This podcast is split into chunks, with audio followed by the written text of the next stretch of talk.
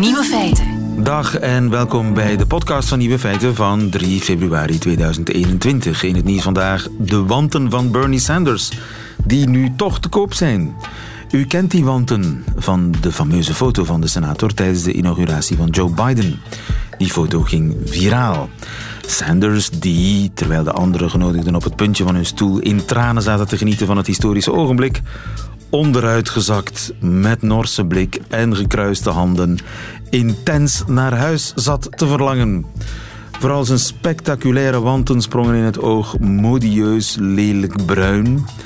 Tienduizenden mensen wilden ook zo'n enorme ouderwetse gebreide wanten, maar dat was onmogelijk. Want zij waren gebreid door een lerares die in haar vrije tijd wanten maakt uit oude wollen truien en, ik verzin dit niet, gerecycleerde plastic flessen. 18.000 mails kreeg de lerares met de vraag of ze alstublieft niet wat extra exemplaren kon maken. Maar helaas kon ze in haar eentje niet aan die gigantische vraag voldoen natuurlijk. Gelukkig springt nu een grote teddyberenfabrikant voor haar in de bres, die de 18.000 exemplaren zal breien. De andere nieuwe feiten vandaag. Wuhan, de film, is er. Hij heet 76 dagen. 76 Days, over de paniek en de chaos in de bakermat van het virus. Als je alle mannen met een buikje die ouder zijn dan 50 zou vaccineren, dan zijn de IC-afdelingen uit de zorgen, zegt een Nederlandse IC-dokter. Piloten die door de coronacrisis lang niet gevlogen hebben, die gaan als het ware roesten. De beste manier om neushoorns te transporteren verneemt u in de woensdagquiz van Nieuwe Feiten. En de Nieuwe Feiten van Johan Terrein hoort u in zijn middagjournaal. Veel plezier. Radio 1. Nieuwe feiten. Er is een, een belangrijke risicogroep vergeten in de vaccinatiestrategie, namelijk dikke mannen van boven de 50. Dat zegt Peter van der Voort, hoofd intensieve zorg van het Universitair Ziekenhuis van Groningen. Goedemiddag, dokter van der Voort. Goeiedag. Liggen er veel mannen met overgewicht op uw afdeling? Ja, dat is wel het uh, grootste deel van de patiënten op de intensive care. En dat is niet alleen in Groningen zo, maar wereldwijd is het zo dat het uh, vooral mannen zijn met overgewicht. Het grootste deel, Kun, kunt u daar een getal op plakken? Hebben we het over 60% 65, 70% nou, 72% van de patiënten op de intensive care met COVID, uh, die is man, dus 72%. En 73% van alle patiënten op de intensive care met COVID uh, heeft een body mass index, dus een, uh, um, een, een, BMI groter dan 25 en daarmee overgewicht. Groter dan 25? 25 is voor u de grens van dik zijn, als het ware. Ja, dat is, dat is een vrij lage grens. Maar boven de 25 spreken we van overgewicht. En natuurlijk is ernstig overgewicht boven de 30. En, en daar zijn natuurlijk nog ernstigere vormen. Maar als je de grens op 25 legt, is uh, 75% daarboven. In België is uh, obesitas een reden voor een prioritaire vaccinatie. In Nederland niet, geloof ik, hè? Nee, dat klopt. Dus ik denk dat dat uh, heel goed is dat dat in België wel het geval is. Omdat inderdaad mensen met overgewicht meer kans hebben op een ernstig ziektebeloop en intensive care opname. Maar uh, obesitas, daarvan spreken we vanaf een BMI van 30, 30 en meer. Ja. U spreekt eigenlijk van een BMI van 25 en meer. Ja, je kan natuurlijk ook uh, vanaf 30 gaan tellen, maar dan mis je een aantal patiënten. Dus mijn, mijn voorstel is: laten we de vaccinatiestrategie vooral richten op mannen in een leeftijdscategorie 50 tot 75, want de gemiddelde leeftijd is 65 jaar. En als je dan. Op de, de, de IC-afdeling bedoelt u, de gemiddelde leeftijd? Ja, op de IC-afdeling. Ja. ja. klopt, op de IC-afdeling. En als je dan nog de BMI uh, boven de 25 neemt, als je die drie criteria bij elkaar neemt, dan heb je een belangrijk deel, 50 tot 60 procent, van de intensive care patiënten te pakken, van de potentiële intensive care patiënten. Ja. Dus dat is het voorstel. Als ja, ja. we daarop focussen. En dus eh, laten we zeggen, de, de min of meer gezonde mannen van boven de 50 met een beetje een buikje. Die daarom niet obese zijn, maar die gewoon, ja, zoals veel mannen van boven de 50 een beetje een buikje hebben. Een, een BMI van pakweg 26 of 27 die moeten we ook prioritair vaccineren. Want als we dat niet doen, dan zal die druk op de IC-afdelingen hoog blijven. Ja, dat, dat is helemaal waar. En um, in Nederland is het zo dat de vrijheidsbeperkende maatregelen... die zijn, worden vooral ingesteld om de druk op de intensive care afdelingen behapbaar te houden. Nou, als je die gedachtegang doortrekt, dan is het ook logisch om dan de patiënten die die intensive care dan beleggen of, of bezetten, om daar dan ook je vaccinatiestrategie Ja. op te richten. Nou, en dat is deze groep. Maar waarom gebeurt dat dan niet? Nou, misschien dat de beleidsmakers nog niet zo scherp in beeld hadden dat dit de groep is die eh, het belangrijkste deel van de intensive care bedden belegt. Dus vandaar dat ik dat ook genoemd heb, Ja. om men daar bewust van te maken. Maar zou het kunnen dat er een zekere schroom is om ja, mensen met slechte eetgewoonten op die manier te belonen met een vaccin? Ja, dat zou kunnen. Ik denk eerlijk gezegd dat de gedachte is geweest van nou, we moeten vooral de kwetsbaren eerst beschermen. En daarna gaan we in een hoog tempo de leeftijdscategorieën eh, eh, naar beneden toe vaccineren. En dan zijn alle potentiële intensive care patiënten daarmee gevaccineerd. Maar nu er zo'n schaarste aan vaccin is, denk ik dat je een gefocuste strategie moet kiezen. Ja, en dat dat deze mensen zijn. En ik zou het niet willen zeggen dat dit nou een beloning is voor, voor hun. eh, voor hun postuur of voor hun manier van leven. Dat, eh, het, het is puur gericht op het verminderen van de druk op de intensive Ja, care je patiënten. moet nu En ik eenmaal- zie het niet als beloning. Je moet nu eenmaal praktisch denken in deze. Nu, gezien die schaarste aan vaccins, betekent natuurlijk meer vaccins voor de ene groep, minder vaccins voor de andere groep. Heeft er volgens u iemand minder dringend een vaccin nodig? Ja, ik, ik, ik weet niet of je het zo kan benaderen of je het zo moet benaderen. Ehm, ik denk dat je, dat je nogmaals dat je moet zeggen van wat is het probleem wat we willen tackelen. En daar focus je je strategie op. En dat betekent dat je een andere volgorde kiest dan wanneer je een andere strategie zou kiezen. Dus ik zou het niet willen zeggen dat het een manier is om andere mensen te benadelen. Het is een, het is een strategie die erop gericht is om de problemen in de zorg zo snel mogelijk eh, eh, aan te pakken. Dus, dus ik, zou het, ik zou het anders framen. Ja, eh, dokter, ik heb zelf even snel mijn BMI berekend. Ehm, ik heb 25,2. Nou, Maar ik heb Dan, wel een eh, behoorlijke spiermassa. Dat, is, dat moet gezegd.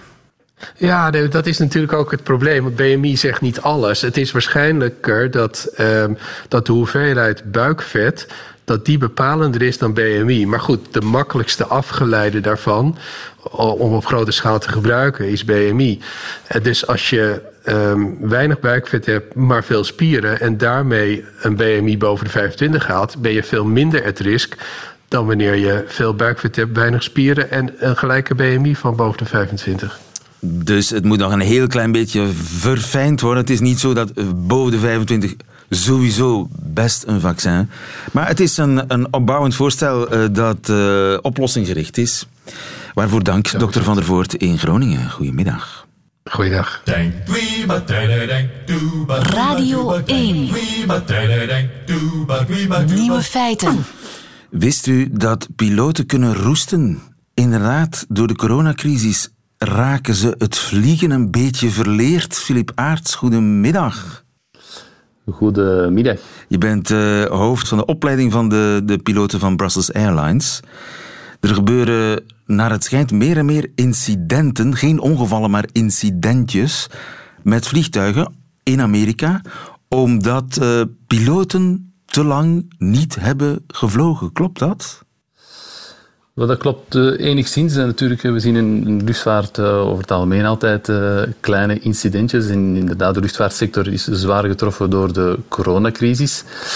In de luchtvaart staat veiligheid natuurlijk boven alles. Hè. En om deze te blijven garanderen, hebben we ons moeten aanpassen. Toen we in maart vorig jaar de crisis zagen aankomen, heeft ons safety departement, tezamen met de operationele departementen, een operationeel risicoanalyse gedaan. En, eh, Maar wacht eens even, wacht eens even. Ik, wou, ik wou even naar die incidentjes in Amerika. Want er is een piloot die wilde op de foute landingsbaan landen. Een piloot die duwde per ongeluk op het knopje om de autopiloot af te zetten. Nog een andere piloot vergat te controleren of de hoogte- en de snelheidssensoren aan de buitenkant van het vliegtuig wel ijsvrij waren. De lijst is lang hoor, van, van dingetjes die plotseling meer gebeuren dan vroeger in Amerika. Hoe komt dat, denkt u? Ja, hoe komt dat? Uh, natuurlijk, de piloten worden of, vliegen minder, uh, zijn ook minder. Uh, de dagelijkse vliegbewegingen zijn, zijn minder, dus de, de routine is een, is een klein beetje weg. Maar om nu te zeggen dat dat aan de basis ligt van de incidenten, dat is te kort door de bocht, denk ik.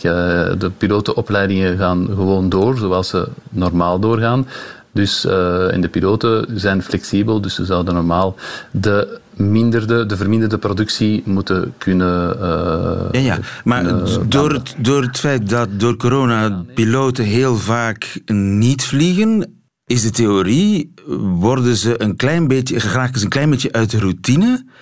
En je kunt piloten die lang hebben thuisgezeten niet zomaar terug achter het stuur of achter de stuurknuppel zetten. Dat is, dat is de gedachte. Die ontkent u dus eigenlijk. Nee, dat is inderdaad zo. Hè. Dus de piloot heeft een bepaalde routine nodig. En ook per wetgeving moeten de piloten voldoen aan een aantal eisen. En die eisen die worden niet verminderd. Hè. Zoals ik gezegd heb, eh, de, de veiligheid staat boven alles. Uh, en daarom heeft Brussels Airlines een, een speciaal programma uitgewerkt om door deze crisis te komen. met specifieke aandacht voor de piloten. hoe doen we dat? Dus wij hebben de piloten onderverdeeld in twee groepen. Dus één groep die vliegt, die blijft vliegen door in de wintermaanden. En één groep die we aan de grond gezet hebben gedurende de wintermaanden, gebaseerd op uh, de ervaring van de piloten. Dus u heeft uh, eigenlijk een deel van de piloten op uh, technische werkloosheid gezet? Inderdaad. Dat is en de, het andere deel is eigenlijk volle bak blijven doorvliegen? Uh, volle bak is daar ook een, een groot woord. Hè. U, weet dat uh, in de luchtvaart verminderde producties, dat is ook bij Brussels Airlines zo. Uh, wij hebben daar een minimum aantal vluchten gedefinieerd voor de piloten. En wij zijn gekomen tot zes vluchten binnen de drie weken voor onze actieve pilotenmassa. Ja. En is dat om te vermijden dat die piloten een soort van zondagspiloten worden? Ja, het is gewoon om, om, de, om de standaarden die wij uh, in, in de maatschappij als uh, vrij hoog beschouwen, om die te, te, te vrijwaren. En uh, wij hebben een bepaalde minimumstandaard en, en die minimumeisen moeten wij voldoen, ja. of moeten de piloten aan voldoen. En ze krijgen eigenlijk bovenop de vluchtstress moeten doen ook nog extra simulatorsessies. Ja, want het is niet zo dat het vergelijkbaar is met autorijden. Dat is niet iets... Autorijden, ja, je, dat verleer je nooit, dat doe je eigenlijk automatisch. Met een vliegtuig, dat, dat dat, dan moet je echt wel je kop bijhouden. Ook al heb je ja, een uh, x aantal vlieguren op de, op de teller. Met autorijden zit je in, altijd in een tweedimensie. En uh, als er een probleem is met uw auto, zit u hem aan de kant en uh, stapt u uit. Met een vliegtuig zitten we in een driedimensionale omgeving. Hè. En daar is het altijd natuurlijk, uh, als er iets misgaat, is de bordpiloot verwacht om, om de situatie ten alle tijde onder controle te hebben en tot een goed einde te brengen. Ja. En dus, uh, wat doet u met piloten die lange tijd aan de grond hebben gezeten, voor die weer kunnen vliegen? Moeten die een soort nieuw examen doen? Ja, dat is inderdaad zo. Hè. Dus de, de piloten die we dus in de wintermaanden aan de, de grond hebben gezet, die gaan een intensieve uh, training terugkrijgen. Uh, daar zijn wettelijke minimum voor, uh, minima voor vastgelegd. Uh, bij Brussels Airlines hebben we gekozen om nog een, een bepaald aantal extra sessies, bijvoorbeeld van theorie of simulator, daarbovenop te doen. En ook een intensief programma te geven voor lijnvluchten, waar de piloten met instructeurs zullen vliegen gedurende de eerste vluchten van hun terug op de lijn te brengen. Dat ja, dus er zullen geen... Er zullen geen roestige piloten achter de, achter de stuurknuppel zitten bij Brussels Airlines. Nee, dat is de bedoeling. Dankjewel, Flip Aerts. Goedemiddag. Dankjewel, goedendag. Nieuwe feiten. Woensdag quiz. We spelen voor een boekenbon van 25 euro die u kunt verzilveren bij de onafhankelijke boekhandelaar aangesloten bij Confituur. We spelen met Isabel. Goedemiddag Isabel. Goedemiddag lieven. Isabel, waar ben je op dit ogenblik? Op dit ogenblik staan wij geparkeerd op de Astridlaan te Dendermonde Centrum. Hoe komt het dat je in een geparkeerde auto zit? Ben je opgesloten? Ja, eerst en voor is gewoon een hele leuke auto om in te zitten, sowieso. Uh, maar we zijn eigenlijk onderweg, onderweg van, van school naar huis. En onze wekelijkse routine is dat wij dan naar nieuwe feiten luisteren. En ja, elke week hopen dat wij een keertje de gelukkige mogen zijn. En bij deze zijn we dus de gelukkige. En wie zit daar bij jou in de, in de, in de auto? Ja, dat is mijn zoon Robinson. Die, die zit naast mij en die is ook heel, heel hard fan. Dus... Uh, Robinson en Isabel, jullie spelen tegen Jan van Aken. Dag Jan. Goedemiddag, lieve. Jan, waar ben jij? Wel, ik zit hier in een lokaaltje te schuilen, want uh, ik werd niet gebeld net toen ik wilde vertrekken naar huis. Maar het weer was niet van die aard dat ik uh, buiten kon blijven staan. Dus ik heb uh, een drogere plek opgezocht. ja, je, je zat op de fiets. Je was aan het fietsen en je dacht, ik speel even mee...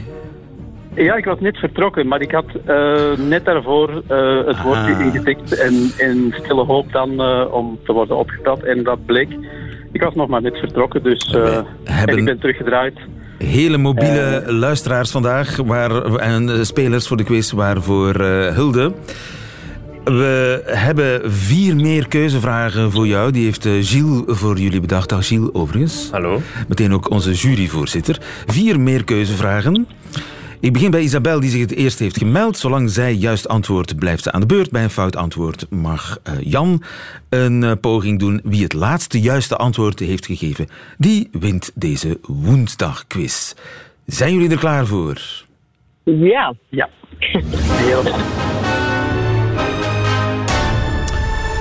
Wat is volgens gloednieuw onderzoek de beste manier om wilde neushoorns te transporteren, Isabel? Mhm. A. Ondersteboven. B. Op een slee. C. Per hovercraft. Gilles, zeg. Dit is, klopt toch allemaal? Hè? Ja, dat is serieus wetenschappelijk onderzoek. Oké, wat uh, is de beste manier om een neushoorn te transporteren, Isabel? Wij denken C. Uh, sorry.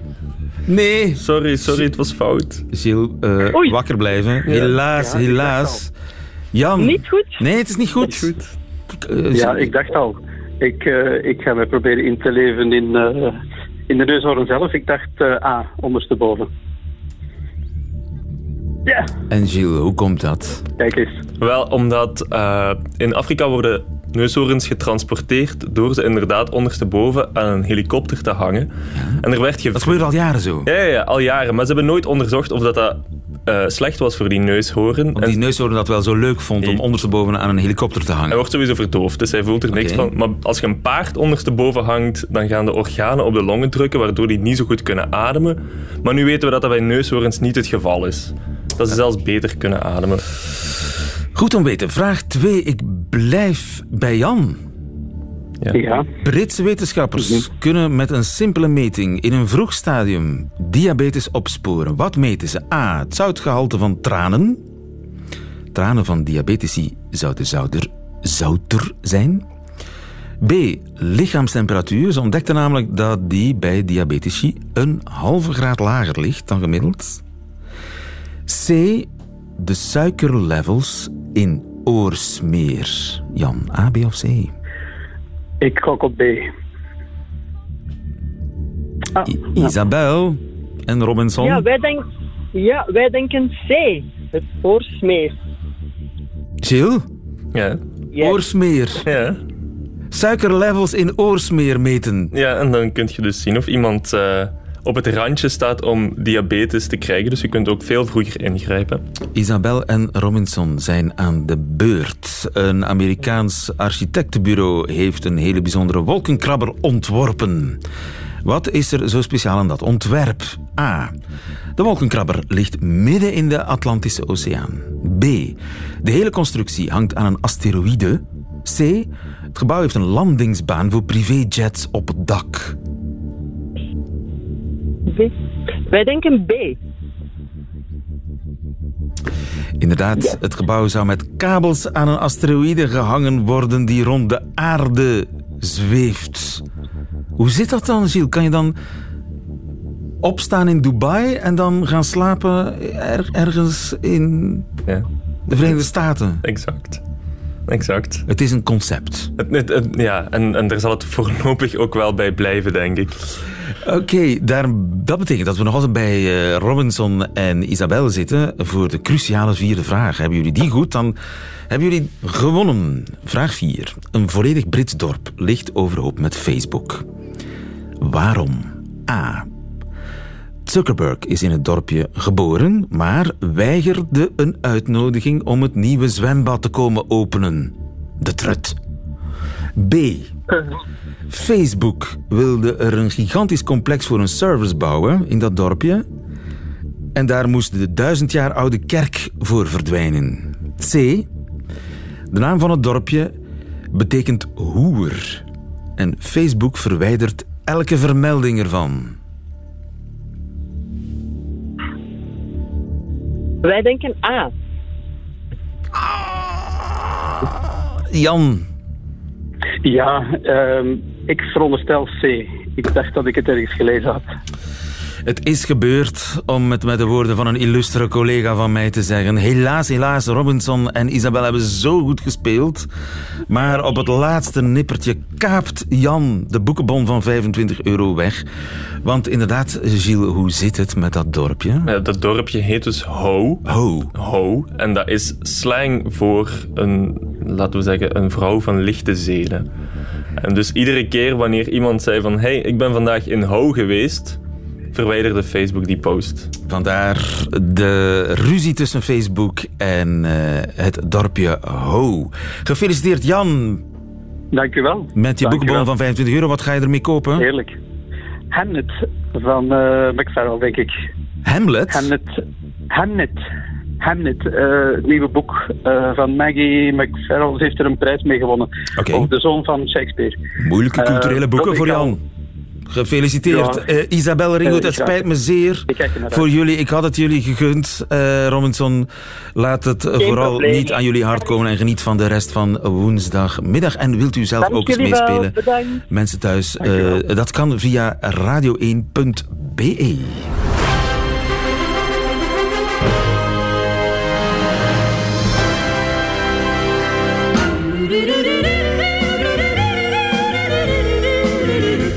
feiten. Radio 1. En hij is er, Wuhan the Movie. 76 dagen, zo heet hij. 76 Days. Een documentaire met clandestine beelden van de chaos en de paniek vorig jaar in de bakermat van het virus.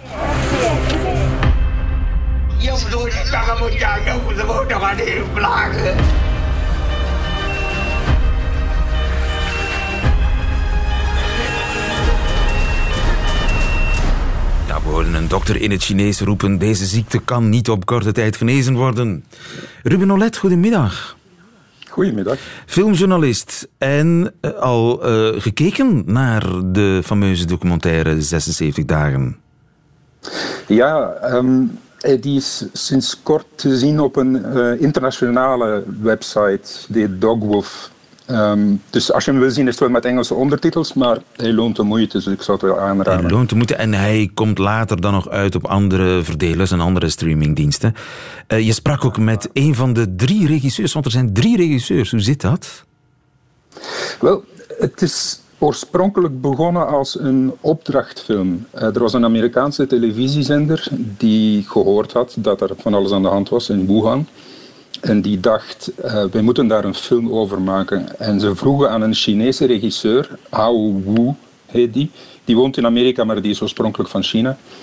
Of hij geen zin had om daar iets mee te doen. En die Hao Wu was meteen geïnteresseerd. En hij is dan op zoek geweest naar mensen die ter plaatse konden filmen.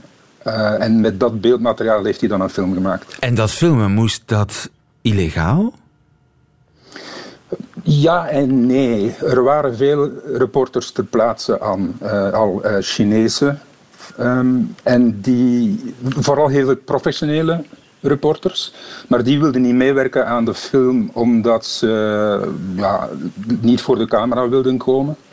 Maar hij vond dan uiteindelijk wel twee reporters die wel wilden meewerken. Eén heet Wei Shen, dat is een uh, freelance reporter voor Esquire. Die had er geen probleem mee om bij een naam genoemd te worden. De andere was een beginnende reporter die werkte voor een staatsmedium. En die staat op de generiek als Anonymous. Aha, dus er zijn wel mensen die hebben meegewerkt, maar die niet op de generiek willen. Dat betekent toch dat er dingen gefilmd zijn waarvan de Chinese overheid niet wou dat ze gefilmd werden. Ik denk dat de Chinese overheid op dat moment wel andere dingen naar haar hoofd had.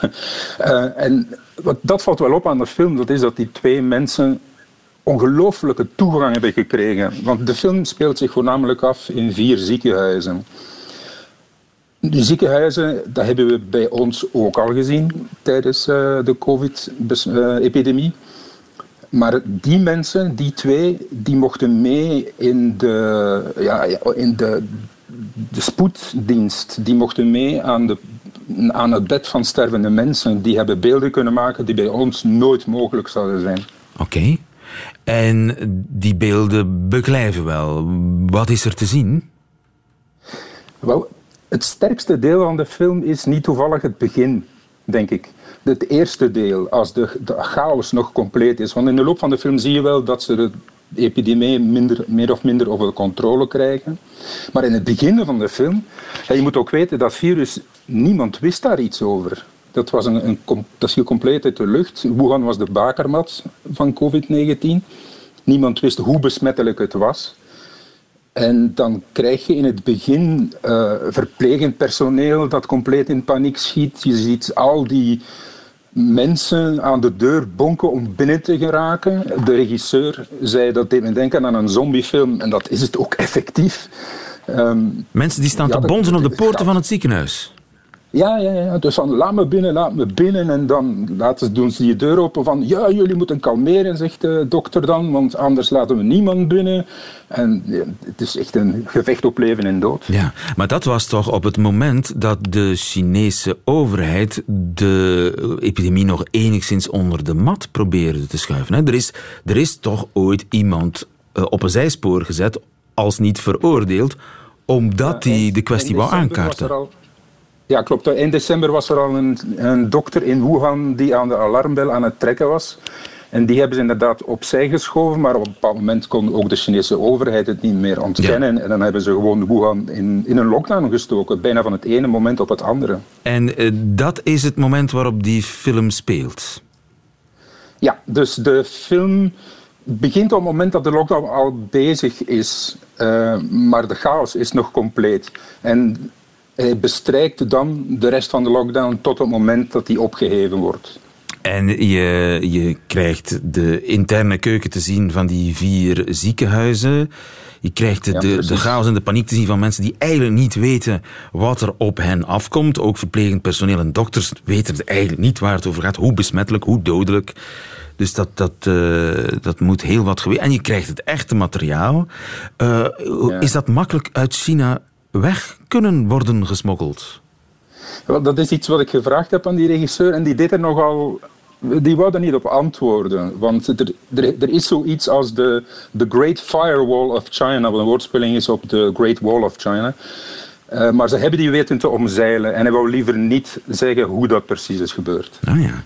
En die 76 dagen, waar, slaat die, waar slaan die op? Dat is de volledige, de, de volledige duur van de lockdown. Die heeft 76 dagen geduurd.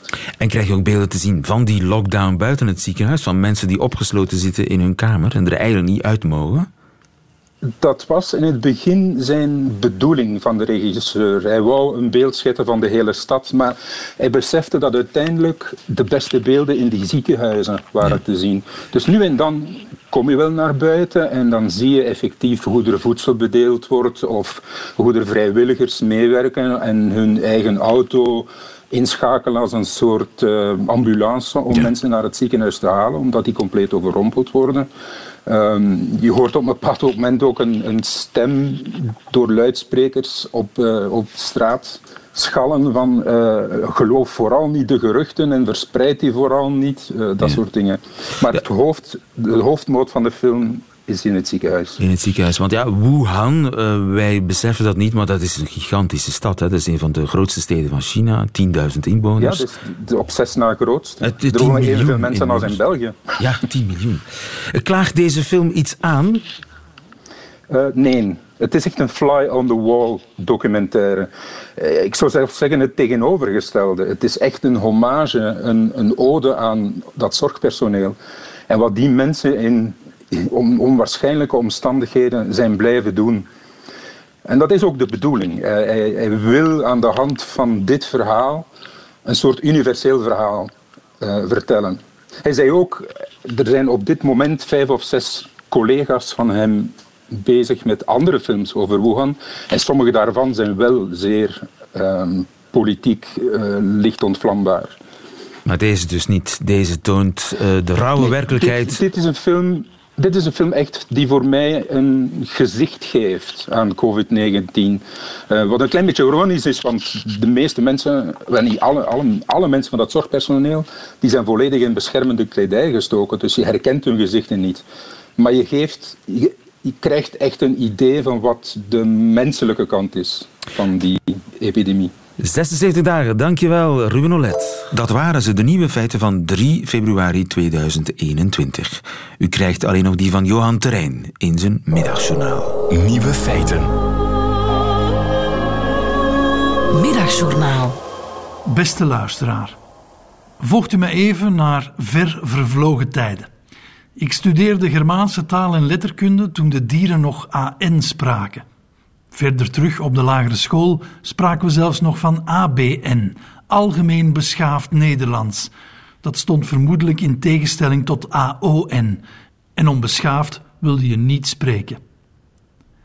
In taalabo's op de Antwerpse Unif werd de palatale A fanatiek in ons spraakorgaan geramd. Ik denk dat ik toen, misschien was het uit fervente luiheid, tot een eerste generatie Germanisten behoorde die vond dat het toch niet geheel oncharmant was als je nog kon horen waar iemand vandaan kwam. Proffen trokken hun wenkbrauwen op. Ze klonken nog liever als een volbloed Nederlander dan hun afkomst uit, sta ons bij, het verre Maldegem te verraden. Spoel nu mee een beetje verder in de tijd. Ik zit in het bureau van de taaladviseur van de VRT en trek mijn wenkbrauwen op. Ik ben net vriendelijk gewezen op het feit dat ik het woord pintje heb gebruikt in een van mijn programma's. En dat moest natuurlijk biertje of pilsje zijn. Een half uur hadden we daar een boeiend gesprek over, de taaladviseur en ik. Over het belang van een standaardtaal en voor mij ook het belang om daar regionale kleur in toe te laten. Inmiddels zijn we vorige week en lanceert een tv-zender die van naam verandert zijn nieuwe slogan. Kijk te mee. Mijn autocorrect verandert dit terstond in lijkreden, maar dat terzijde. Beste luisteraar, rol uw ogen maar al. Of krom uw tenen bij zoveel gezochte familiariteit. Ik moet denken aan een vrouw die bij een eerste kennismaking al meteen op je schoot komt zitten. Niet dat ik daar zoveel ervaring mee heb, maar ik kan me wel voorstellen dat het dan onbeschaafd is om ze weg te duwen en dat het ironische zitten goed nog altijd verkeerd kan geïnterpreteerd worden. Ongemerkt haast bevind ik mij nu na al die jaren plots aan de andere kant van het spectrum. Daar waar je samen met de taaladviseur een pilsje opentrekt. Taal evolueert, zo is dat en zo moet het zijn, maar dat gebeurt misschien niet per definitie altijd in een smaakvolle richting. En terwijl ik me dat bedenk, weer klinkt er ergens in mijn achterhoofd een stem die zegt: Dat ga jij niet bepalen.